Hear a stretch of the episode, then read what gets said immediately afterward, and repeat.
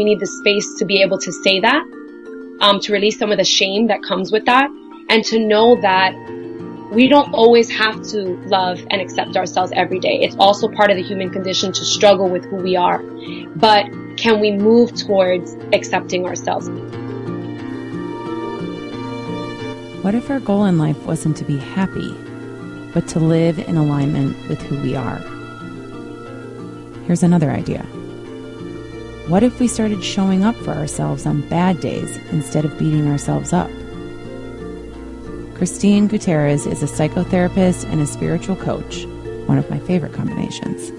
And she's about to blow your mind with what's possible when you let go of expectation and accept where you are in this moment. I'm Elizabeth Kendig, and this is Healers.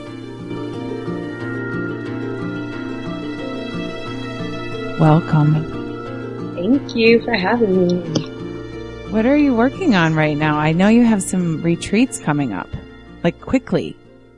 Yeah, I have um, my Diosa retreat, which Diosa is the Spanish word for goddess, and I do that every single year in Puerto Rico. So that is coming up in July. It's sold out that one, but um, this is the seventh annual one, so I can't believe it. Yeah. Will it be different, or how will it be different this year? The the program is consistent in like the main structure of it, mm-hmm. which is we dive into the root, we deal with core wounds, we talk about releasing trauma through experiential healings and workshops. Um, but it's different each year because there's a different person, different people. Um, I channel whatever that group needs and adjust the flow depending on that. And what about just Puerto Rico in itself? Yeah. I mean, talk about trauma. Yeah, I mean, well, you know, I, I was very, um, involved and I still am, um, not as public about it. I don't share everything about it, but I've been, um, doing, you know, lots of fundraising. We raised, I think, in connecting funds, not just direct, like fundraising, but mm-hmm. we raised like over a hundred thousand dollars with getting funds and distributing it to nonprofits that are there. So kind of like being like the link between those two places and then raising funds on our own for, you know, the initial kind of after the storm happened, like for like solar lights and all of that. And, um, and then also we did the, um, we then went to the second phase of it, which was more of the environmental sustainability and soon we'll be working on the mental health because suicide rates have gone up. So, um, so, you know, this year we're going to be doing some sort of volunteer activity. I haven't confirmed what that's going to be yet, but we're going to do something and there'll be an opportunity for people to have you know, information so that they can give back, whether it's donating time or, you know, sharing on social media or giving money, like they all, they all help. Yeah. And we're going to keep needing it too. That's going to, it's never going to end probably. Um, are you from Puerto Rico? Yes, oh, I am. So this is, you get to make this pilgrimage. Yeah yeah, this is, I mean, you know, my, my lineage is from Puerto Rico. So I am, I call myself a Nuyorican. I am a Nuyorican, born and raised in Bushwick, Brooklyn and Ridgewood, Queens. And then I moved to Puerto Rico for three and a half years where I lived after I graduated with my master's. Um, but my lineage, my family's from Puerto Rico. And, you know, of course it's extra special, um, when you connect with, with your roots and, and of course helping rehabilitate a place that has gone through a lot of trauma in the relationship there, you know, with the United States is really strained and, um, you know, being part of that is very important to me. Well, that sounds really sacred to go back. And you just flew right past it with your, um, just beautiful explanation, but top of my list was to ask you what diosa is. And am I even pronouncing it right? Yeah. Diosa. Diosa. Mm-hmm. Okay. And tell us again what that, how that translates. So diosa is the Spanish word for goddess. And for me, you know, I always, um, in all of my branding and kind of this, um, this mission that I have is to help women realize that they're worthy. So I'm loved. I'm, um, you know, I'm loved. I'm worthy. I'm diosa, embodying the divine again and, and coming back home to yourself. So that's what that means. Why is that so hard for us to do? yeah, well, we go through a lot of fucked up shit in our life. and I think by just the very nature of being a human being, on this planet. I, I, I personally believe, you know, that we are here to have a human experience and that means it's messy and complicated and, um, and that it's not something that is the, the fully divine experience, right? Fully divine is like always light, always love, always good, always peace. And we're human. So we are not that. We have darkness. We have chaos. We have struggle. We have pain. We, that's what it means to be a human. So, um, for us to remember that while, while also simultaneously accepting our human experience is the journey and the struggle, right? Like to, to know that you're divine, but you're not too divine. You are a human being and you have to give yourself permission to be that. So. I, I'm so, it's so perfect that you're bringing this up. And that's of course how this show always works. You're here with the message exactly when we need it. But, um, you and I are talking not long after a string of suicides and, um, I've been, I've been thinking so much lately because of that and because of other conversations about this exact idea that we were aiming or we think that it's possible for our lives to just be amazing all the time. They should be shame free. They should not like the goal is for them to not be hard or messy. Mm-hmm. And then we will be happy. Yeah. And that's just this, you know, vicious feedback loop. Yeah, well, I think also, you know, um, we're speaking about these conversations. If you were to submit a, you know, a, a business plan, they all fall under the category like personal development, self-empowerment and wellness. And unfortunately, it's an unregulated industry. And, um, with that comes, you know, negative consequences. There's been beautiful positive things that have come from it. But one of the negative things that I have seen as both a therapist and just a person that has been a consumer of the industry is that there's an over glorification of the, the end journey. Like before I was this and now I'm this. And so when we set that unrealistic expectation of growth in and of itself, it becomes emotionally traumatizing to read a book when you're in despair because people that are going to this, you got to think about the consumer. The person that's going to this feels lost, confused, sad, lonely, existential crisis, maybe mental health illness, depression, all these things. And they read a book that says something like, you know, you can do X, Y, Z and then everything will be okay. And that's the goal. Whereas for me, I think it's setting up a really high expectation that's damaging. You know, part of being, uh, I think having a grounded approach to healing is to say that let's lower the expectation, not to say that you can't do something, but to create the energy of creating, hitting small milestones that gradually add up and that you can understand that there's nothing that's going to be linear in your healing journey. And when you do that, you liberate people from their need to be perfect, their need to arrive at a destination that is a destination that will not exist really, you know, and so that's what I see it as. And, um, you know, as a person that also has gone through trauma, through, you know, panic attacks, through these kinds of, you know, ups and downs, I need to keep it very, um, simple and, and, and, and keep the expectations low. Some days just brushing your teeth in the morning is a freaking miracle. And, um, you have to be okay with that. And we have to talk about that so people know that you're not alone and that the healing process is not as glorious as people have painted it to be. Okay. There's your, there's your mic drop moment. so glad we're talking about this. How do we, I mean, we definitely need help from people like you and other healers, but how do we know what healthy expectations are for ourselves anymore? I mean, what, what do those look like? It ranges from person to person. And I think that that's what is complicated about this is that we really need, you know, um, moments of stillness to get to know ourselves. We, we need trained guides that are ethical and responsible and that understand the human psyche and the soul and all of that. Um, to be able to look at a person and say, you know, where are you today? And what's a healthy stretch for you that feels like you're pushing upon your comfort zone, but it's not too much that it traumatizes you or sets you back and that you feel like, okay, well, if that's too scary, right? Like maybe I can do this one small thing. What's one small thing that you can do to lift your spirits and, And that maybe that's just, you know, getting on a phone call with your therapist that day. Maybe that's just, you know, uh, taking a shower, you know, and then celebrating those small ma- milestones to increase self-esteem and momentum.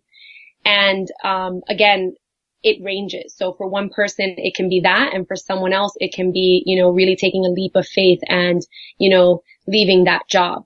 But we can't compare our journey to someone else's, especially when it comes to mental and emotional health. We really have to be sensitive to how we are uniquely built.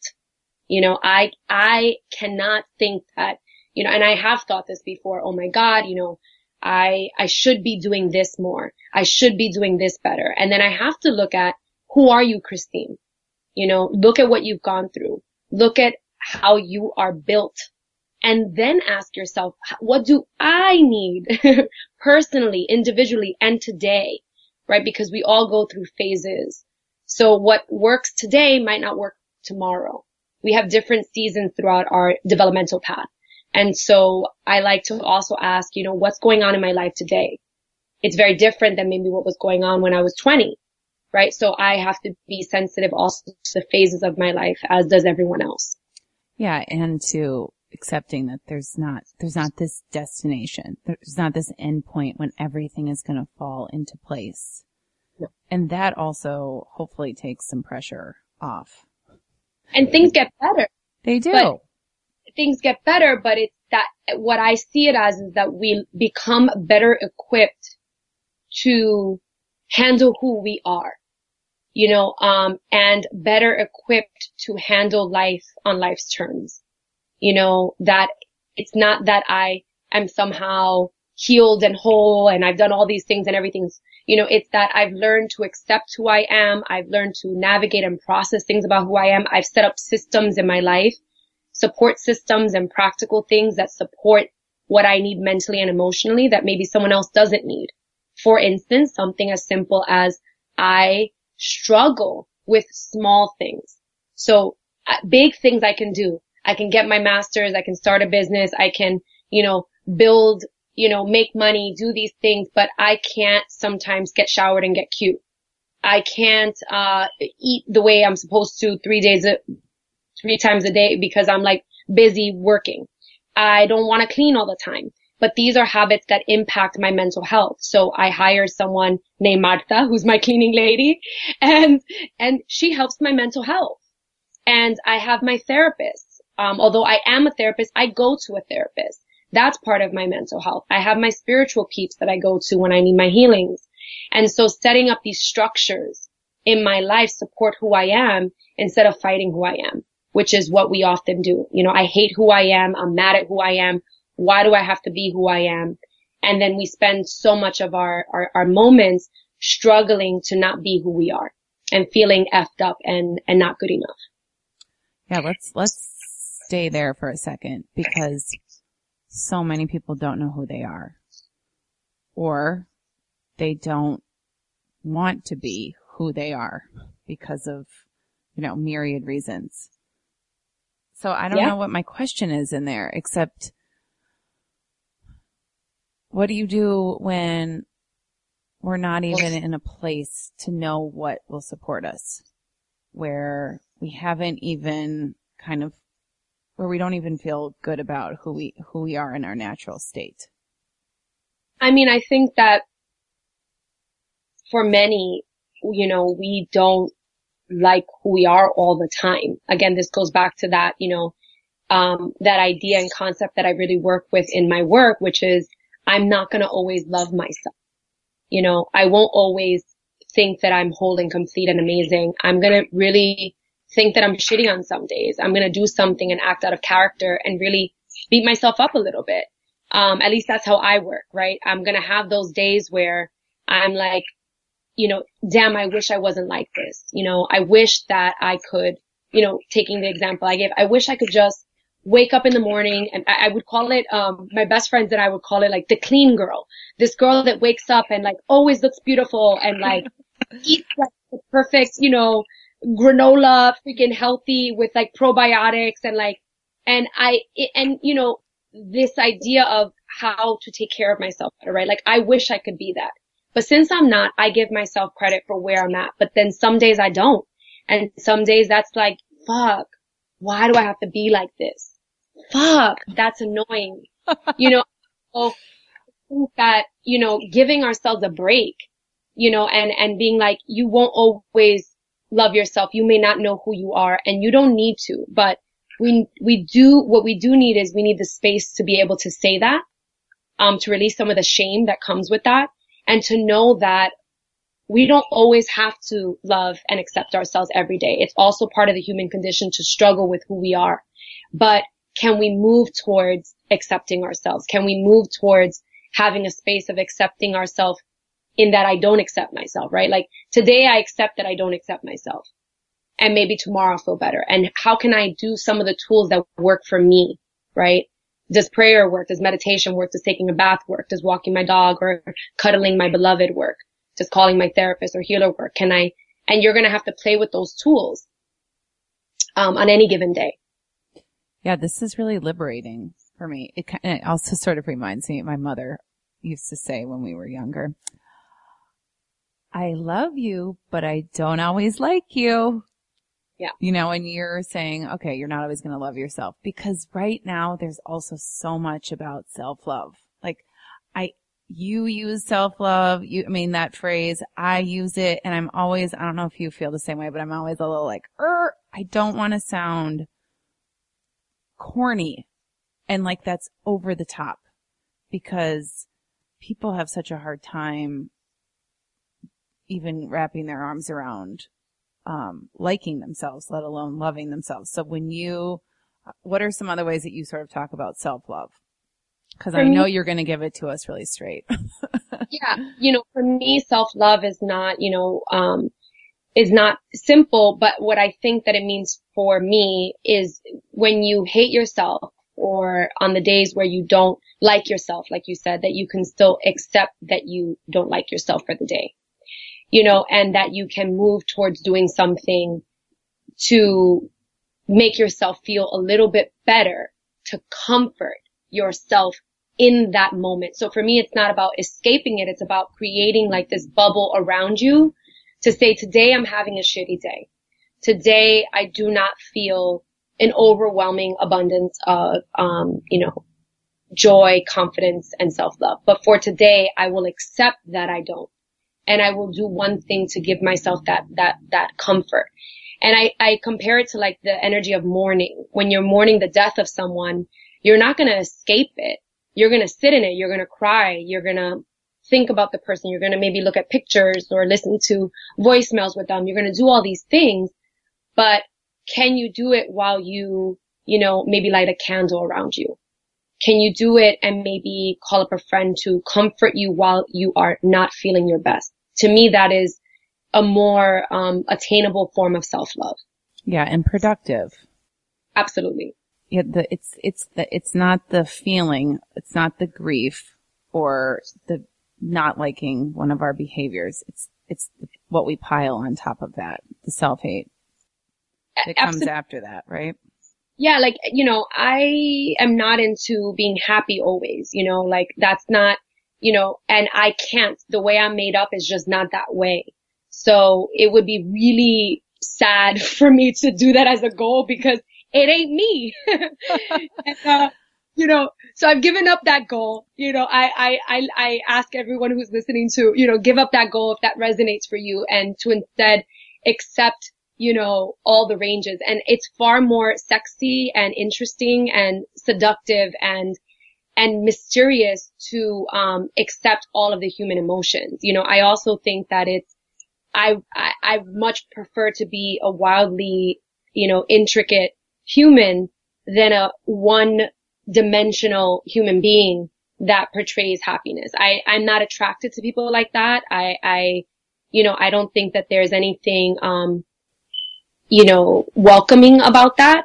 Um, and I don't think it helps people heal. So, you know, I think it's important that, you know, if you can't do it for yourself, remember what it does for someone to just be in the company of someone that's not trying to live that way and be perfect. It's really liberating. Well, I am officially joining you in giving up this goal of being yeah. happy. Woo!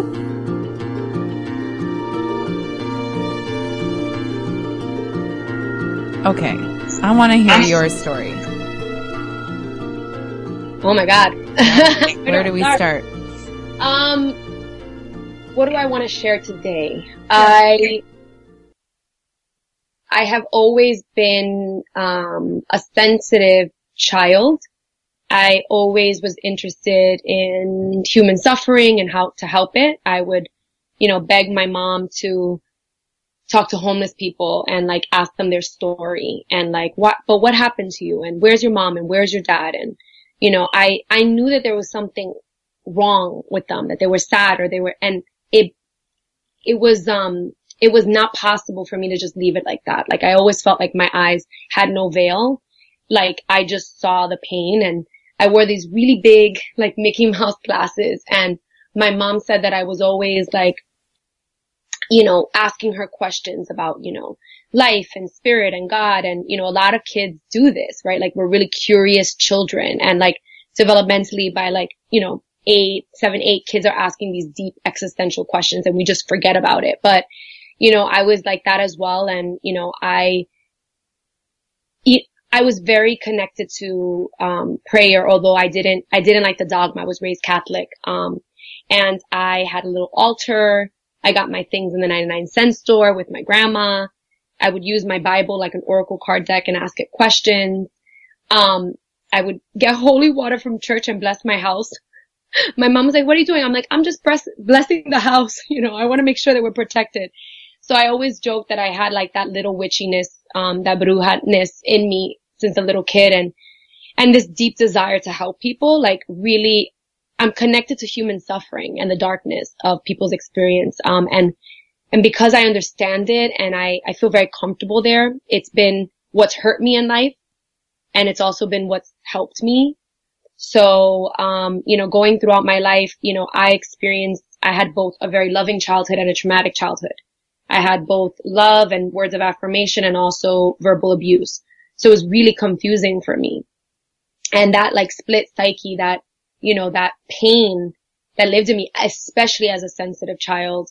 I carried that and I, and I dealt with, you know, wanting to help and then also being the victim of those experiences as well. And, you know, I, you know, fast forward, I, I went through my life. I was, you know, helping people, tutoring, doing all these things, went to college and I replicated that early pattern of childhood abuse, right? And found partners that matched that experience.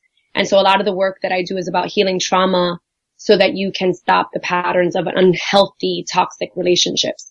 And, um, you know, that really, you know, healing that love addiction was the first addiction that I realized that I had codependency, love addiction. And, um, and throughout this whole time, I was still on my journey, still helping people, still, you know, people always ask me, do I have to be fully healed to serve? No, like it was through that path and through the ups and downs that I was like, oh my God, how can I do this if I'm still fucked up? How can I do this if I'm not living in an, an alignment? But eventually now, you know, today it's like, no, it's not perfect, but my life is in alignment. What you see in, in the public is actually what I'm living, you know, behind closed doors, you know, and it wasn't always that way. I was teaching amazing things and I was still going back, um, you know, relapsing with a toxic relationship.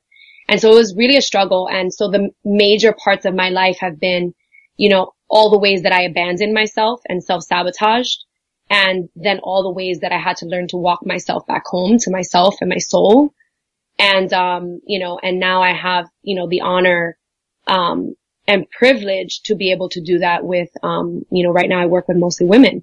So I, um, it's, it's really been, uh, a deep journey of untangling those webs, you know, of, of all of the things of, you know, that pain that, that, that I identified with so strongly and then learning to know what it feels like to be in a state of peace, right? Like so sometimes still I wake up and I'm like shocked that my life is peaceful or like shocked that I have a healthy love or shocked that, you know, that I get to do this work and people pay me. Like I'm still so humbled by it. It's, it's literally like a miracle. Um, so that's, the the abbreviated version of my um my life story. Yeah. Well, I a few things. I think there's probably a lot of listeners who can appreciate your childhood anyone who's listening is, was probably a highly sensitive child, empathic, you know, we take on everyone else's energy and we want to help and we want to make sense of our own and really impressionable.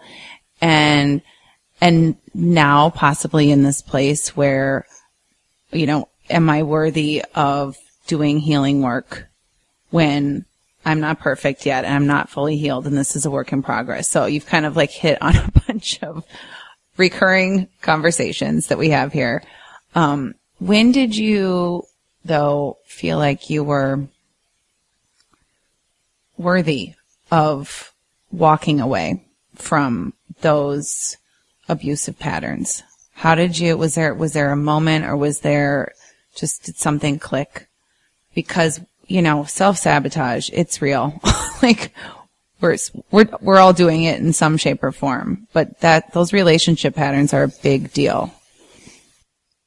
Yeah, I don't know if it was one moment, but there were definitely many moments. You know, I, um, looking back, I always knew that something was off, right? But like the difference in knowing something in your mind, it dropping into your heart and your body and your actions is a while. Like think about even just like the visual of, you know, we start in the head, it moves into our throat and wiggles its way into our body, body, and then it has to come through your legs and your hands and to make the action steps. And, you know, so I knew something was off, but I wasn't capable emotionally at that time because my compulsivity to get that hit of love in that moment was much higher than my ability to wait for it and work through it because that was going to be more painful.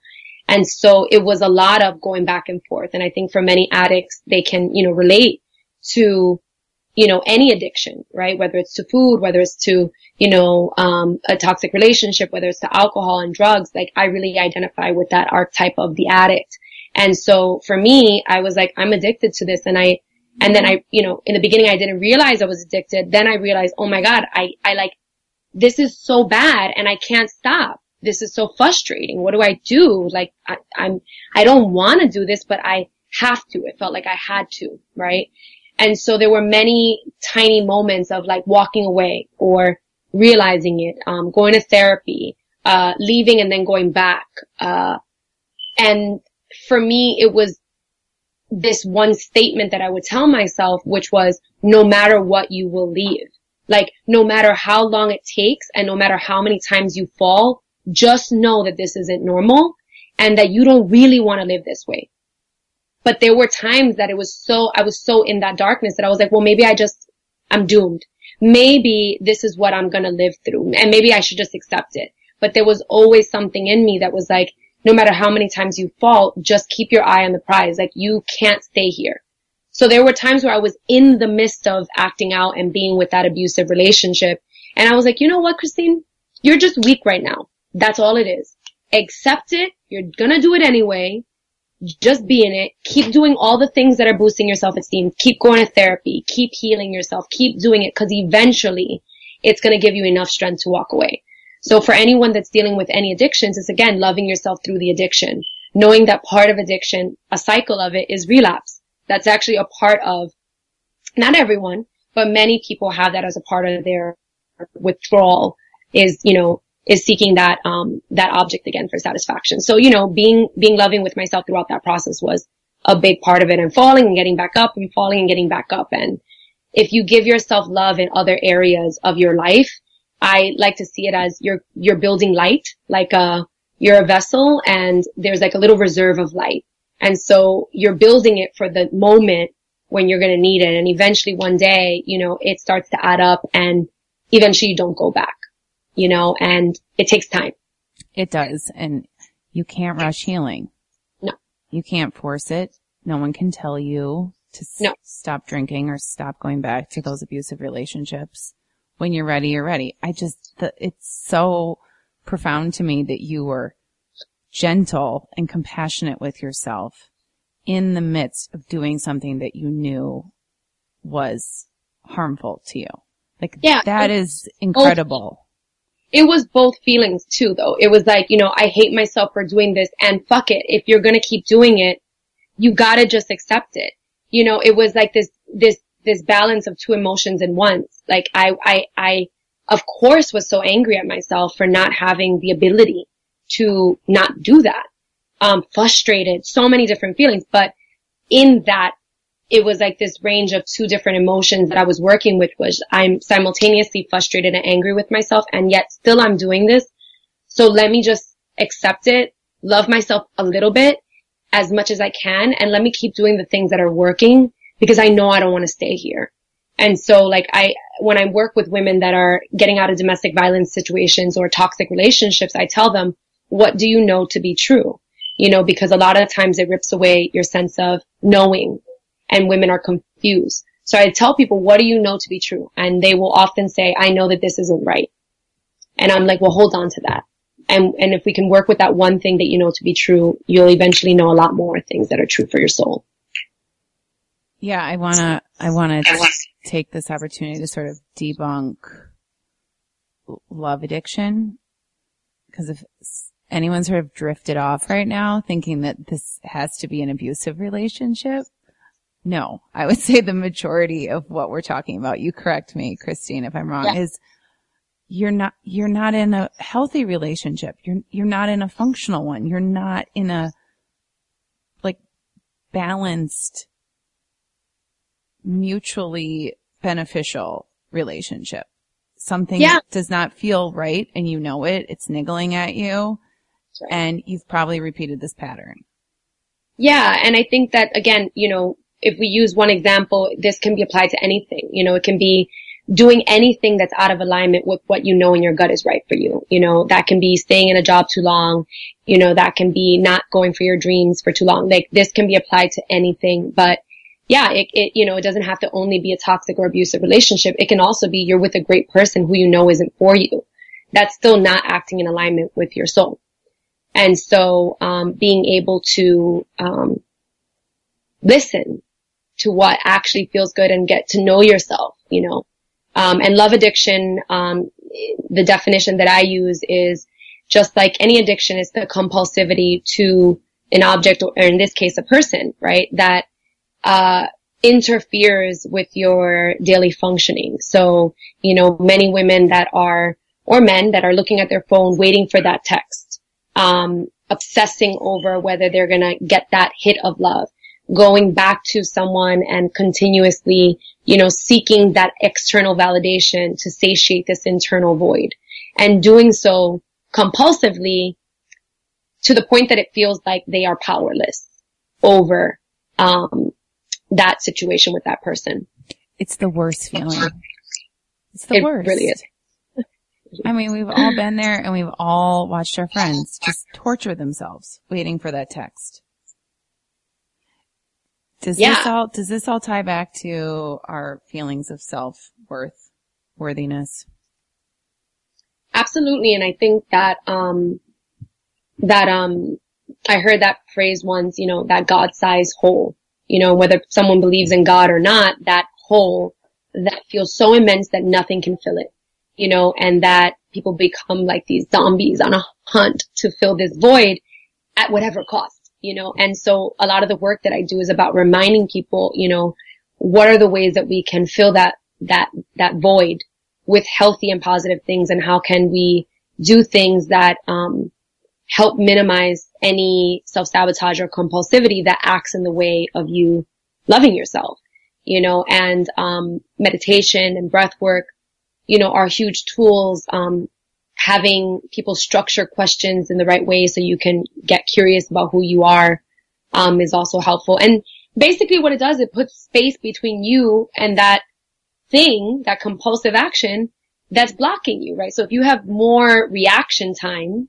which is what an extra breath does, you know, which is what taking a walk does, which is what calling a friend does, then you can help maybe to see things more clearly and help to see what is actually going to make me feel good afterwards. Yeah, I, I started, I, I make sure that I have like a really juicy novel laying around. that's my, that's my go-to when I just want to eat more chocolate or, you know, just start wallowing in something. I just, you know, divert my attention to something. Maybe, maybe that's a distraction, but this idea of just kind of putting some space so that you don't have that impulsive reaction to fill a void. That's right. And I think that's great, you know, novels or, you know, um, essential oils. I mean, these are small things that you can do, you know, having a practice that's consistent of going to see someone every week, a therapist or someone that can help hold space for all the feelings that come up.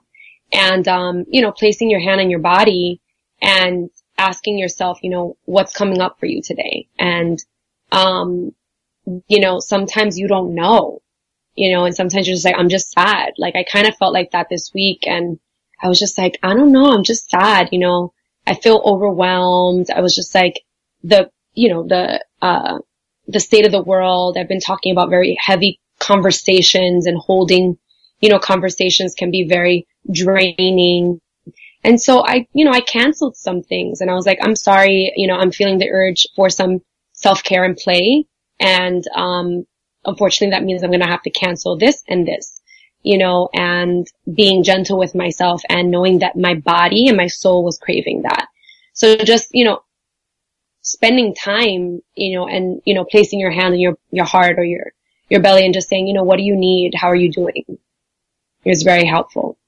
Yeah, it's such a simple act, but we rarely ask it of ourselves. We just go, oh, something's wrong with me, not what yeah. do I need? Well, and it's more, more of, um, learning to parent, you know, our inner selves in a really nurturing way, especially if you didn't have nurturing parents, you know, and even if you did embodying that for yourself, how can I nurture me? my little heart, my little soul, you know, the, the little emotions that are coming up or the big emotions that are coming up. How can I cradle them and ask them, what do you need? So, you know, asking your emotion, if you have sadness, sadness, what do you need? You know, like personifying it so you can really develop a relationship with your feelings is, is something you can do. Oh, my sadness maybe needs a walk right now. You know, my sadness maybe needs to cry, right? Like the shamans, um, viewed the tears as one of the most sacred um, elements because it alchemizes. And now we know with science that um, there's different types of tears, but one of the tears, like when you're actually crying, right, of sadness, is contains a chemical that's released that allows you to actually heal. So, you know, holding back our tears, which is something we do a lot, and just brushing away our feelings is actually the opposite of what our body needs to self heal. So, um, I like to give myself the container to actually feel that, you know, whether that's in a bath or listening to a sad song and then not wallow in it too long, but, um, giving the space to have all feelings, you know, uh, be comforted in the way that they, that they need. Yeah. Okay, good. So you're giving me permission to keep listening to my very, um, melancholy, angsty music because I just want to cry. That's right. I love sad music. Mm-hmm. Well, you have given us so much to think about. Um, I want, I want everyone to know how they can work with you because your energy is just, I mean, I wish people could see you. and I know they're going to want to connect with you more. Yeah. So I work one on one with people, um, virtually and in New York City. I do retreats um, right now I work primarily with women.